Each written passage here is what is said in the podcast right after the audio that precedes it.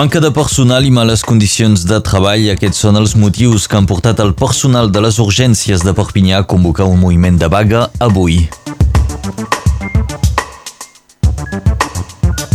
L'Oficina Pública per la Llengua Catalana serà una realitat avui, aquest matí, amb una presentació oficial a la Universitat de Perpinyà.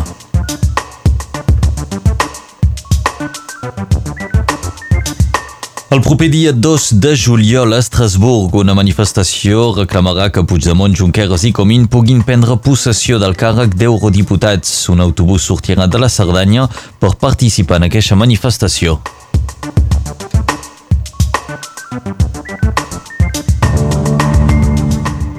Avui comença una setmana marcada per la calor. Des d'aquest diumenge ha arribat una onada de calor que portarà temperatures superiors als 30 graus tant a la plana com a muntanya.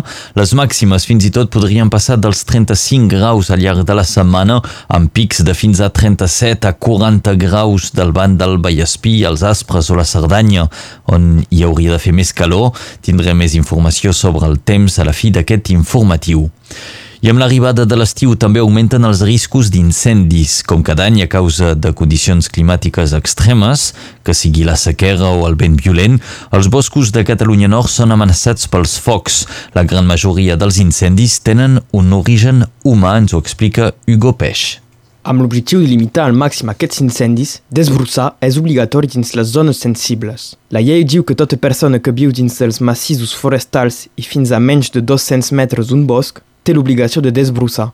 Aquest estiu, la prefectura serà molt atenta al compliment d'aquestes obligacions. Per facilitar la tasca dels propietaris de terreny, la prefectura ha posat en plaç una web especial, prevencionincendie66.com.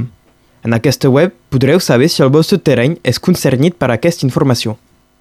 Moltes gràcies, Hugo Peix. Molta prudència, doncs, pel tema dels incendis als boscos de Catalunya Nord.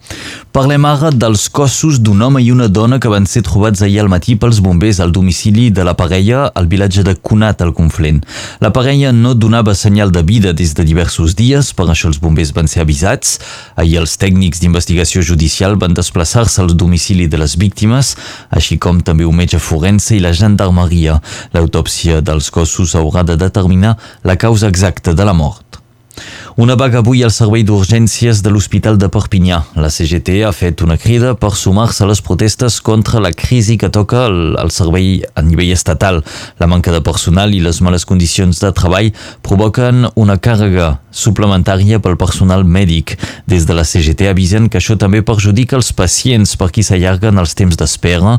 Per això el personal de les urgències regularment ha de fer front a moments de tensió. El moviment de vaga comença avui per una durada indefinida definida.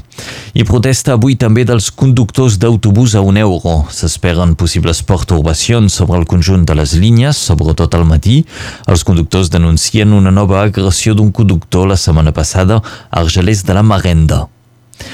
Avui es presenta de forma oficial la posada en marxa de l'Oficina Pública de la Llengua Catalana. El prefecte Philippe Chopin, la presidenta de la regió Carola Delgà o la presidenta del departament Hermelina Malerba seran algunes de les autoritats que assistiran a l'acte, a més de representants de l'Ajuntament de Perpinyà, de la Universitat i del món associatiu. L'acte es farà aquest matí a la Universitat de Perpinyà. El proper dia 2 de juliol es constituirà el nou Parlament Europeu. Els eurodiputats electes Carles Puigdemont, Toni Comín i Oriol Junqueras segueixen reivindicat el dret de prendre possessió del càrrec tot i les denegacions de les autoritats espanyoles. Els catalans del nord tindran la possibilitat d'anar a manifestar a Estrasburg gràcies a una iniciativa de l'ANC de Cerdanya, ens la presenta Josep Ribot. Des de totes les territorials de l'Assemblea Nacional Catalana s'estan organitzant des de vol charters fins a autobusos i això. I nosaltres, la nostra delegació, que és una delegació petita de la Cerdanya, també ens hi sumem, també organitzem un autobús. Com que el trajecte ens hi ajuda, passem, o sigui, sortim des de, des de Cerdanya, des de Puigcerdà, comencem aquí, però com que hem de travessar tota la Cerdanya Nord, tot el Conflent, fins a Perpinyà, fins a agafar l'autopista de Perpinyà. Hem cregut convenient que ens podíem posar d'acord amb la gent de la Catalunya Nord per ajudar-nos a flatar aquest autobús que sortiríem des d'aquí a Cerdanya el mateix dia 1 just després de dinar, no, no puc concretar en aquest moment l'hora, però seria cap a les 3 de la tarda sortiríem d'aquí, faríem parades a diferents pobles de la Catalunya Nord i viatjaríem durant la nit fins a arribar a Estrasburg el dia 2 al matí, just a temps d'anar a acompanyar en el president Puigdemont i en el conseller Comín a, que, a prendre possessió del, del càrrec a, a Estrasburg. Està previst un acte central, hi haurà una manifestació davant del, del Parlament Europeu i tenim previst tornar cap a Cerdanya el mateix dia 2 a final del dia, que va sortir a les 8 de la tarda, sortir d'Estrasburg per tornar a vindre cap a casa nostra durant la nit. Explicacions de Josep Ribot de l'ANC de Cerdanya. Les persones interessades poden contactar el casal del Conflent. El tren groc ha estat víctima de noves degradacions aquell cap de setmana. Uns individus van pintar grafiti sobre el tren mentre estava a l'estació de la Tor de Carol. El tren groc ja va ser cobert de grafitis als anys 2015 2017 i de nou enguany. S'espera que un cop més la SNCF portarà queixa a la gendarmeria. La carretera departamental 914 entre Banyuls i Cervera a la Marenda serà tancada a la circulació des d'aquesta propera nit fins divendres. La circulació serà prohibida de les 10 de la nit fins a les 5 de la matinada. El tall començarà a partir de Cabre de Ris a Banyuls fins al giratori de Perafit a l'entrada de Cervera per unes obres de rehabilitació. La flama del Canigó es va escampar ahir arreu dels països catalans. La flama va arribar al Parlament de Catalunya al migdia.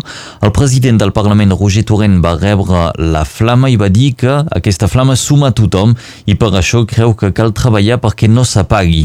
Durant la recepció, la vicepresidenta d'Òmnium Cultural, Marina Iansana, va llegir una carta de Jordi Cuixart des de la presó en què va assenyalar que creu que la flama ha permès ensenyar a trencar les barreres imposades per la l'estat. Informació esportiva. I un cap de setmana lamentable pel rugby català. Elna jugava una final del campionat d'excel·lència B de rugby a 15 aquest diumenge, un partit perdut contra l'US Muguera per 23 a 7, però al marge de la derrota cal destacar la violència que s'ha vist sobre el terreny de joc, una baralla general que va esclatar entre els jugadors però també entre el públic, un trist espectacle que va obligar les forces de l'ordre a intervenir, també els bombers van haver d'evacuar un jugador de Muguera. La l'àrbitre va haver d'interrompre el partit abans de la fi del temps reglamentari. I violència també durant la final d'elit 2 de rugby a 13 entre Bou i Vilegaienc. El partit s'anunciava calent després dels insults racistes d'un membre del club de Vilegaienc contra un jugador de Bou. Els mastegots es van produir a la mitja part i van acabar amb 4 jugadors de Bou expulsats i 6 de Vilegaienc, 10 targetes vermelles en total que hauran amargat la victòria final dels jugadors del Bou 13. I en canvi Sant Esteve 13 es va proclamar campió de federal després de guanyar per 23 a 12 contra Gratancourt, un partit on el rugby aquest cop va ser protagonista sense cap afrontament violent.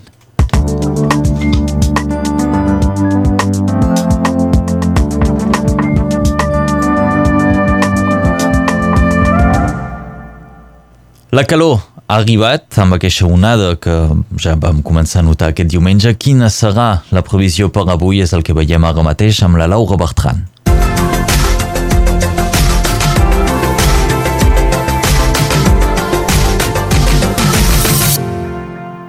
El temps d'avui és semblant al d'aquest cap de setmana. Es preveu un dilluns amb sol i cel blau al llarg de tot el dia i a tot Catalunya Nord. El vent bufa de marinada amb ratxes màximes de 45 km per hora. A la tarda aquest vent s'hauria d'afluixar. Les temperatures són semblants un poc més elevades que les d'ahir, amb unes màximes que arribaran als 35 graus a Serret, 33 a Vilafranca de Conflent, 32 del Banc de Prada, 31 graus tant a Taltaúi com a Prats de Molló, Estagell i Tuí, 29 a Perpinyà i Mosset, 27 graus tant a Alanyà com a Sallagosa, 28 a Banyuls de la Marrenda, 26 tant a Torrelles com a Font-romeu i 25 graus de màxima a la Llagona. El rècord de calor a Ribes Altes per un 24 de juny data de l'any 1945, quan es va arribar als 36,8 graus. El sol avui es pondrà a les 9 i mitja del vespre. Si ahir eren els focs de Sant Joan, és ben bé avui que heu de felicitar els Joans i les Joanes. Avui és també l'aniversari de Lionel Messi, el capità del Barça i considerat entre els millors jugadors de la història de futbol fa 32 anys. Destaquem també que és el Dia Internacional del Surf i la Festa Nacional del Quebec. La frase que hem seleccionat per avui diu així «El juny diu al juliol, Jacques Joé Plagout, tout fez bon sol.